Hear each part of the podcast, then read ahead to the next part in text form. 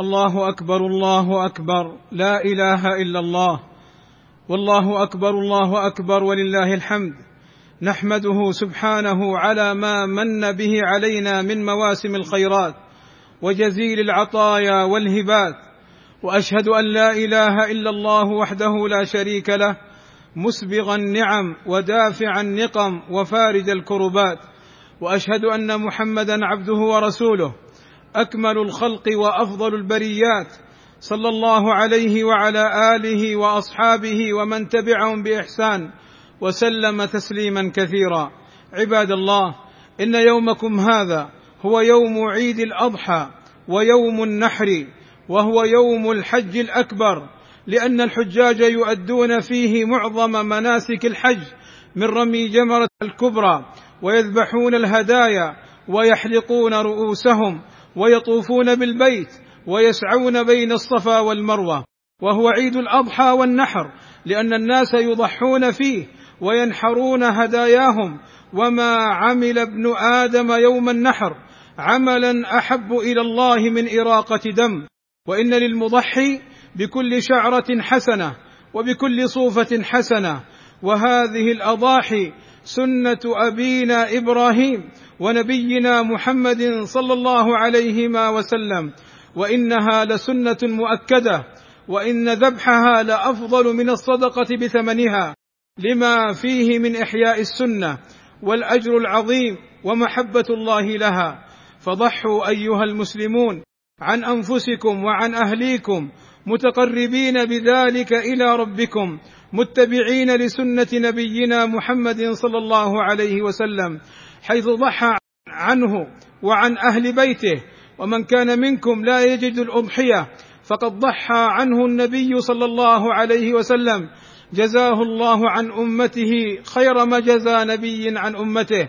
وتجزئ الشاه عن واحد والبدنة من الإبل والبقر عن سبعة فلا يشترك شخصان في شاة واحدة.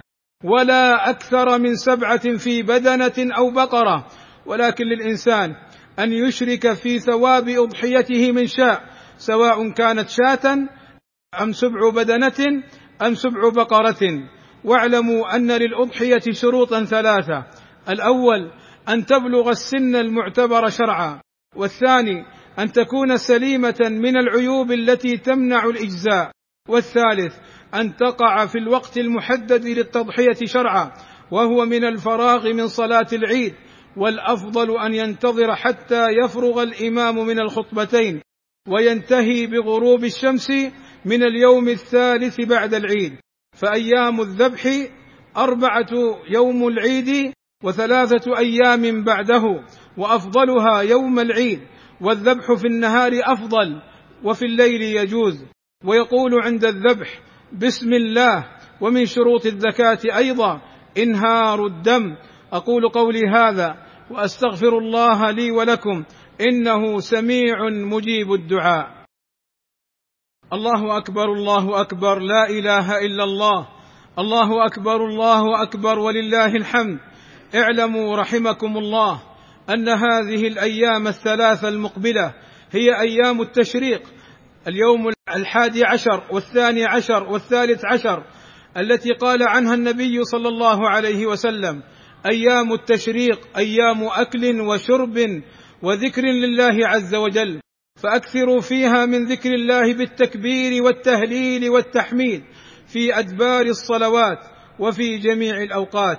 عباد الله إن الدنيا دار عمل والآخرة دار بقاء وخلود. فلا تغرنكم الدنيا وزينتها ولا تنخدعوا وراء المغريات. فيعيش الواحد منا في هذه الدنيا وكأنه لن يموت ولن يبعث ولن يحاسب. لا مانع من الانتفاع مما أحله الله ولكن الحذر من تجاوز الأمر إلى ما حرم الله. فالله خلقنا ورزقنا لنعبده وحده لا شريك له ولم يخلقنا عبثا ولم يتركنا هملا بل أرسل لنا رسولنا محمدا صلى الله عليه وسلم ليخرج الناس من الظلمات إلى النور.